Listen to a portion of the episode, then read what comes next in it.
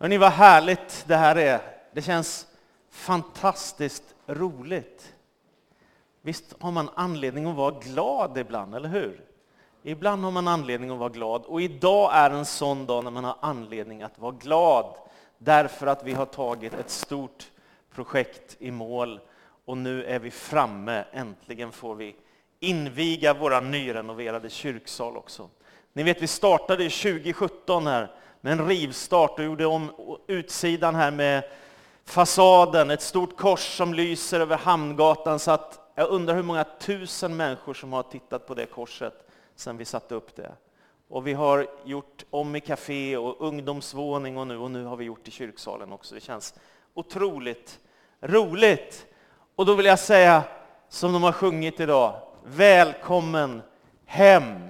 Välkommen hem. Visst är det fantastiskt att få ha en familj? Och jag tänker om denna kyrka, att det här är en familj. Jag växte upp i ett ganska tryggt hem i Stockholm och min pappa var företagare och vi hade det bra på alla sätt man kan ha det. Men sen händer det där som händer ibland i livet, att man förlorar en förälder och jag förlorade min pappa när jag var 16 år. Och det var ju alldeles för tidigt. Man vet för lite om livet och man har inte riktigt koll på allt som ligger framför och man behöver så mycket goda råd. Men så tänker jag så här, tänk vad många fäder och mödrar jag har fått i kyrkans värld. Inte bara här, utan i många olika länder och många olika städer. Människor som lever med Gud och som man känner man kopplar med direkt. Man blir vänner direkt, bara av en enda anledning, att man delar samma tro och man har samma livsinriktning. Och helt plötsligt så sitter man vid något kafébord eller hemma hos någon och så lär man känna folk som man aldrig har träffat förut. Det är fantastiskt. Så min stora bön, det är att den här kyrkan mot sin framtid nu ska få vara en plats där människor känner sig välkomna, älskade, viktiga och värdefulla. Kyrkan har ett viktigt budskap att förmedla, inte bara i Karlstad utan i hela världen. Och därför så är min bön att det här skulle få vara en levande och kraftfull kyrka där människor känner sig välkomna, hemma och man får ett andligt hem. Nu vill jag skicka med dig sju nyckelord för framtiden. Sju nyckelord, och var inte orolig. Det ska inte ta två timmar, utan det här kommer gå skapligt bra tror jag. Jag hoppas det. Sju nyckelord vill jag skicka med dig för framtiden för vår kyrka och att vara här i Karlstad. Det första ordet jag skickar med dig, det är ordet hopp. Hopp. Paulus skriver i första Timoteus 4 och 10 så här. Det är därför vi strävar och kämpar. Vi har satt vårt hopp till den levande guden som är en frälsare för alla människor och särskilt för dem som tror. Jag har nu drygt 50 års livserfarenhet och det jag upptäckt ju längre jag lever, det är ju att det finns så många människor som har så stora behov och som kämpar så med livet. Det kan vara fattigdom, det kan vara sjukdom, det kan vara ensamhet, det kan vara olika prövningar och svårigheter, hemlöshet. Ja, ni vet, EU-migranter, det finns många olika utmaningar att möta. Och jag tänker att kyrkan är hoppets budbärare. Dels om att man inte är ensam här i världen som människa och att man fick en dålig lott i livet och att det är kört, det blir inte mycket bättre än så här. Du får vara den du är och det finns inget hopp och ingen möjlighet att göra något bättre. Kyrkan är en fattigdomsbekämpare. Och jag blev så oerhört stolt när jag läste Ivar Lundgrens bok, jag sa det i Skattkärr förra söndagen också. Ivar Lundgren har jobbat eh, som journalist, författare, han har också jobbat på Läkarmissionen och som politisk sakkunnig. Och han skrev så här, jag upptäckte när jag läste London School of Economics att pingströrelsen har gjort mer för fattigdomsbekämpning än de flesta NGOs, alltså sådana här hjälpverksamheter, tillsammans i Afrika. Visst är det helt fantastiskt? Vi gör så stor skillnad som kristna för att vi förmedlar inte bara eh, lite hjälpsändningar av mat eller någonting sånt, utan vi för, förmedlar tro och värderingar. Vi skickar med någonting som människors liv kan bli förändrade av. Och det vill säga att människor som idag är fattiga faktiskt genom kyrkan kan få skolgång kanske och få hjälp att hitta in i livet och få utbildning och helt plötsligt så öppnar sig dörrarna i världen. Hopp. Kyrkan ska ge hopp och Jesus säger vad ni har gjort mot en av dessa mina minsta, det har ni gjort mot mig. Men inte bara det, utan den kristna kyrkan har ju också ett evighetshopp att förmedla. Jag har den här hösten igen suttit vid ett antal dödsbäddar och varje gång jag gör det så tänker jag, vad handlar livet om? Vad är det som är livets utmaning och livets stora mening? Vad handlar det om? När man möter den där sista sträckan så blir det alltid en stor fråga. Och då tänker jag gång på gång, vi har ett evangelium att predika, att Jesus Kristus älskar alla människor, att Gud har offrat sin son för vår skull och att det finns ett liv bortom döden. Det finns en himmel, det finns en evighet hos Gud genom Jesus Kristus. Och det hoppet lever jag med varje dag.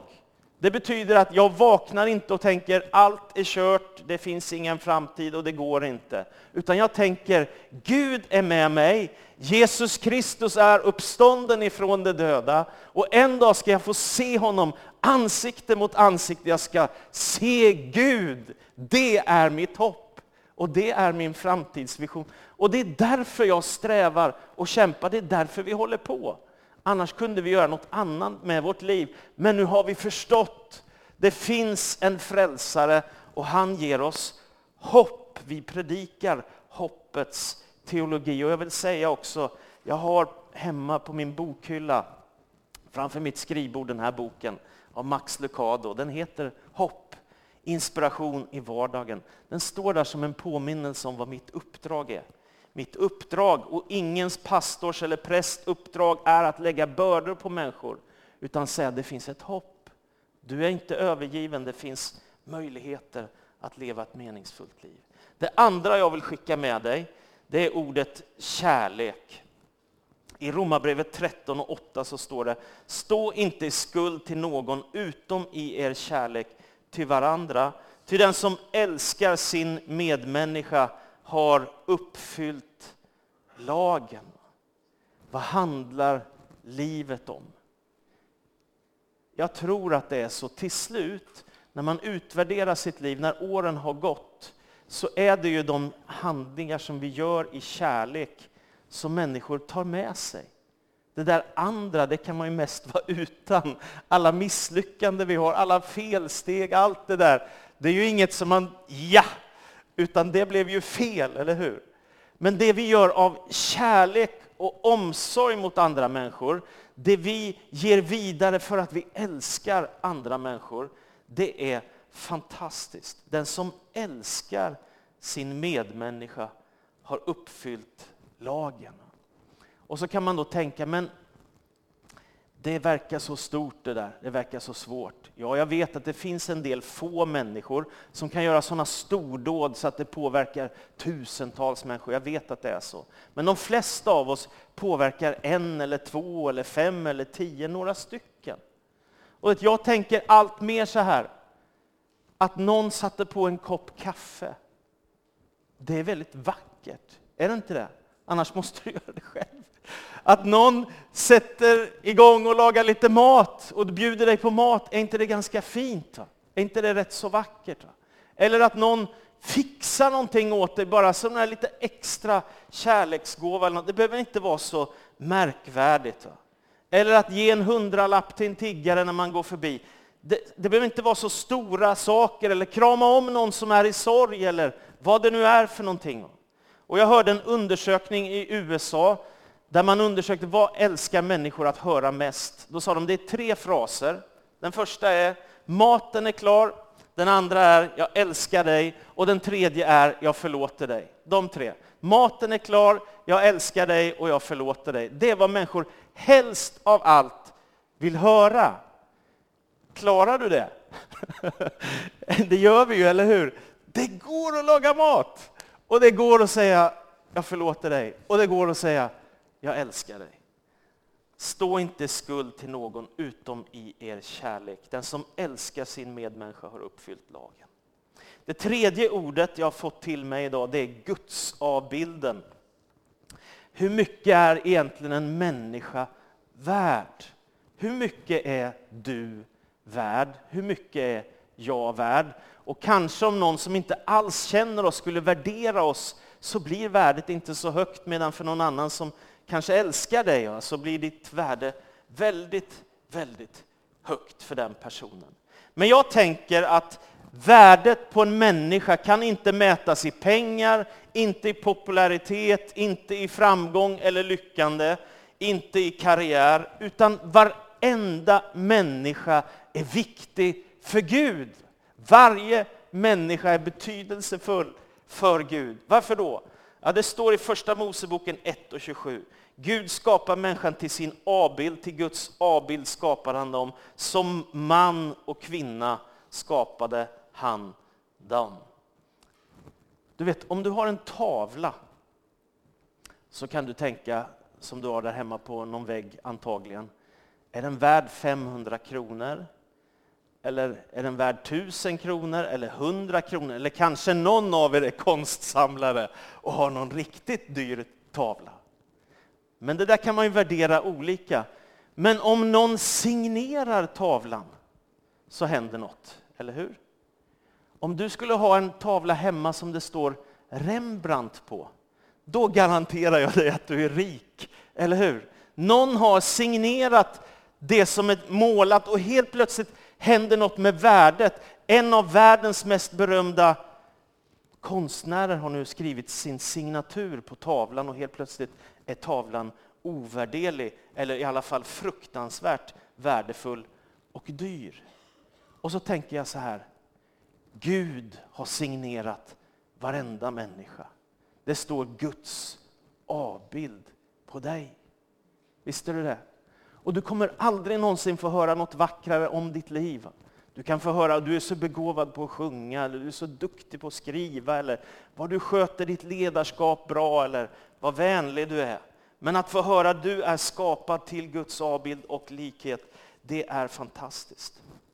En annan fråga som avgör värdet är naturligtvis någon som, vad någon är värd att betala för någonting, för en ägodel. Det avgör ju ett värde, eller hur?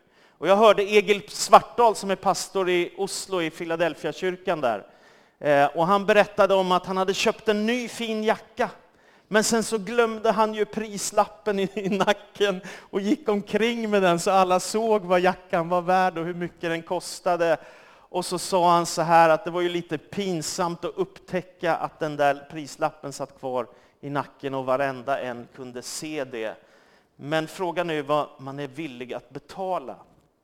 Och det är det, säger Egil Svartdal, som avgör hur mycket något är värt. Hur mycket någon är villig att betala för en ägodel. Och när Jesus Kristus ger sitt liv för oss på Golgata kors för att frälsa oss, då förstår vi hur mycket vi är värda. Då förstår du ditt värde. Om någon har varit beredd att dö för dig, för din skull, för din frälsning, då förstår du hur värdefull du är. Det fjärde ordet jag vill skicka med är närvaro. Livets mysterium är stort. Varför existerar vi? Vad är det för mening med den här tillvaron? Och man kan ju känna stor ödmjukhet när man går ut och ser upp mot himlen en stjärnklar kväll och ser mot galaxerna och tänker, varför existerar allt detta? Varför finns allt detta i det oändliga universum som vi lever i? Jag känner stor vördnad och ödmjukhet. Men sen har jag ju läst och jag har känt, upplevt att det finns en närvaro i universum som gör att livet laddas med mening. Guds närvaro. Levi Petrus som var pastor i Philadelphia kyrkan i Stockholm, han skriver så här om en tidig dag när han vandrar ut i mörkret. Då står det så här. Utanför stugan lyste det klara månskenet på ett gnistrande vinterlandskap. Min blick fångades av den stjärnbeströdda himmelen. Jag har en känsla av att mina barnögon såg det väsentliga i den bild som låg framför mig. Den Gud som skapat allt detta, som dolde sig bakom vad jag såg och blicken in i världsalltet samlade sig till ett överväldigande andligt intryck som utan egentlig korrigering har suttit kvar under hela mitt liv. Visst är det vackert skrivet? Alltså när man drabbas av det stora vi lever i och helt plötsligt börjar koppla till Gud, du har en tanke med allt detta och du vill något med mitt liv och med våra liv och med våran församling. Den himmelska gudomliga närvaron och min bön är naturligtvis också att många människor här ska få uppleva Guds närvaro. Det femte ordet jag vill skicka med dig, det är glädje. Glädje. Visst är det fantastiskt att vara glad så ofta som möjligt. Jesus använder ordet salig ibland, alltså att det så, sitter så djupt inom en, glädjen. Och motsatsen är ju mycket jobbigare, att vara ledsen eller vara nedstämd eller deprimerad. Det är mycket tuffare och jobbigare. Paulus skriver i Romarbrevet 15 och 13, må hoppets Gud fylla er med tro, med all glädje och frid och ge er ett allt rikare hopp genom den helige Andens kraft. Att leva med denna större verklighet att Gud finns vid vår sida, att Kristus är uppstånden, att den helige Ande vill bo i dig när du öppnar ditt hjärta för Jesus Kristus. Det ger dig en glädje. Jag lyssnade på en pastor som sa så här, jag har inte alltid varit glad, men jag har alltid varit glad att jag tillhör Jesus. Det är väldigt bra sagt. Va? Jag har inte alltid varit glad, men jag har alltid varit glad att jag tillhör Jesus. Och precis så tänker jag också. I all kamp, i alla svårigheter, i den nöd som man kan drabbas av, så finns det någon slags grundglädje. Att det finns en tro som bär mig genom allt. Och jag kan fyllas av glädje, glädje, glädje. Och tänk så många människor det är också som har gjort mig glad fantastiskt. Och Paulus kan skriva från fängelset i Filippi. Gläd er i Herren. Än en gång vill jag säga, gläd er alltid i Herren. Från ett fängelse, gläd dig i Herren. Det sjätte ordet jag vill skicka med dig, det är kraft. I Efesierbrevet 6 och 10 står det, hämta nu styrka hos Herren av hans oerhörda kraft. Och det är för mig väldigt uppenbart att det finns en sån kraft i den kristna tron som kan forma inte bara individer utan också städer, länder, nationer och en hel värld. Det är ungefär två och en halv miljard människor som tillhör olika kyrkor i världen, var tredje människa på jorden ungefär. Alltså vi är fruktansvärt stora, vi påverkar jättestor del av mänskligheten och det handlar om också att få ta emot kraft det kan vara när du lämnar ditt liv till Jesus och blir döpt i vatten. Det kan vara när du tar emot nattvarden. Det kan vara när du börjar tränga dig in i Bibeln för första gången. Det kan vara när du börjar be till Gud och öppna ditt hjärta för Jesus. Det kan vara när du firar gudstjänst eller när du har en smågrupp eller när du är på en vandring och bara talar med Gud. Du kan få uppleva kraft. Jag har gjort det. och det har förändrat mitt liv. Nu har jag hållit på med detta i över 30 års tid. Det är 27 år sedan jag började som pastor. Varför håller man på? Men det finns någon kraft här som jag inte vill vara utan, eller hur? Det finns någon slags glädje och någonting av hopp som gör att det här vill jag leva och dö med. Det här är mitt liv. Det sjunde och sista ordet som jag vill skicka med, det är frälsning såklart frälsning. Ett självklart ord. Paulus skriver i Galaterbrevet 6 och 14. Jag vill aldrig någonsin berömma mig av något annat än vår Herre Jesu Kristi kors. Jag vill aldrig någonsin berömma mig av något. Vad är det som händer när en människa drabbas så djupt av en mans korsfästelse? För det är ju inte någon unik händelse. Tusentals och åter tusentals har blivit korsfästa i romarrikets brutala och vidriga våldsregim som pågick under århundraden. Det är många.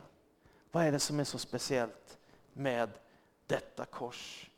Jo, korset är ett bevis för Guds ofattbara kärlek, för Guds fantastiska, vanvettiga kärlek till mänskligheten. Och i korset så utstrålar en strålglans som är starkare än allt annat och som har förändrat världshistorien. Där Jesus segrar över synden och döden och ondskan. Det är världshistoriens viktigaste händelse. Det är det som vi som kristna tror. Och Jesus Kristus är uppstånden. Han har segrat. Han har ropat ut, det är fullbordat. Det är fullbordat.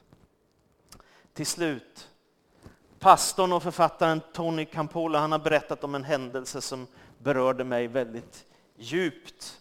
Han var på resande fot i USA och när han är på resa så kunde han inte sova eftersom han kommer till en annan tidszon och det skiljer mycket på timmarna. Så när midnatt har passerat så går han ner till ett café som hade nattöppet.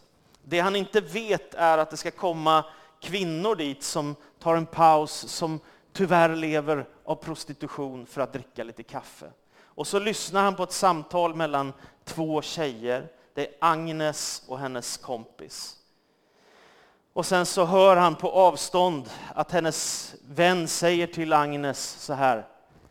Ja, jag hörde att du fyller år, men varför berättar du det för mig? Vill du ha födelsedagsfest eller vad är det med dig? Ska jag fixa en sånggrupp och ska jag ordna tårta eller vad har du tänkt? Och så blir Agnes förstås väldigt, väldigt ledsen. Och så säger hon, varför är du så elak? Varför måste du trycka ner mig? Jag vill inte ha något.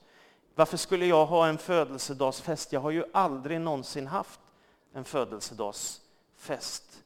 Och så avslutas det och så går tjejerna vidare. Då kommer Tony fram till kaféägaren och så säger han, du, är det där prostituerade kvinnor? Ja, det är det. Ja, jag förstod. Jag förstod det. Brukar de komma hit varje natt? Ja, det brukar de göra. Okej, då ska jag komma tillbaka hit imorgon. Kan vi göra så att vi ordnar en födelsedagsfest här imorgon för Agnes? Ja, det kan vi göra så. Och så köper de en tårta och så går ett dygn och när de kommer tillbaka, de här två tjejerna igen, så ställer sig alla i kaféet upp för de har förberett på att den här tjejen ska komma. Och så sjunger de grattissången Ja må du leva och så får hon en tårta. Hon blir så djupt berörd att tårarna bara strömmar och hon frågar kan jag få ta med mig den här tårtan hem? Hon är så djupt berörd. För första gången i sitt liv har hon blivit firad på födelsedagen. Hon gråter häftigt. Och så sjunger man för henne. Och sen så reser sig Tony upp och ber en bön om välsignelse. Och då säger kaféägaren, jag visste inte att du var kristen, är du pastor eller? Ja det är jag, jag är pastor. Ja, där ser man. Vilken kyrka kommer du ifrån? Jag kommer från en kyrka som ordnar födelsedagsfester för prostituerade kvinnor mitt i natten. Och säger nej, det, det, sådana kyrkor finns inte. Jo, det gör det visst. Jag tillhör en sån kyrka. Nej, det tror jag inte på. Och skulle det göra så skulle jag vilja tillhöra den kyrkan direkt, säger han. Vad är det för typ av kyrka vi vill ha? Jag tänker vi vill ha en kyrka där människor känner, jag är välkommen, precis som livet är. Hur fantastiskt eller förfärligt det än är, så välkommen hem och välkommen till Jesus. Det förändrar ditt liv om du tar det på allvar, om du följer honom och lever med honom. Jag lovar att det kommer förändra ditt liv. Välkommen hem till Gud. Välkommen till en nyrenoverad kyrka. Och låt oss nu hjälpas åt med allt vad vi kan för att också se till att vi klarar ekonomin för vår församling när vi har renoverat. Herre, så tackar vi dig för att du är god och du är trofast. Välsigna oss var och en, Herre. Du vet hur våra liv ser ut, Herre. Den som lever i glädje och den som lever i sorg, Herre. Den som är väldigt ensam just nu och den som har fullt av glädje och fullt av vänner. Herre, vi har så olika situationer, olika tider i livet. Men vi vill be om din välsignelse över var och en av oss, Herre. Att vi ska kunna få ta emot utav dig, men också att vi får förmedla vidare till andra vad du har gjort för oss och vad du vill göra för alla.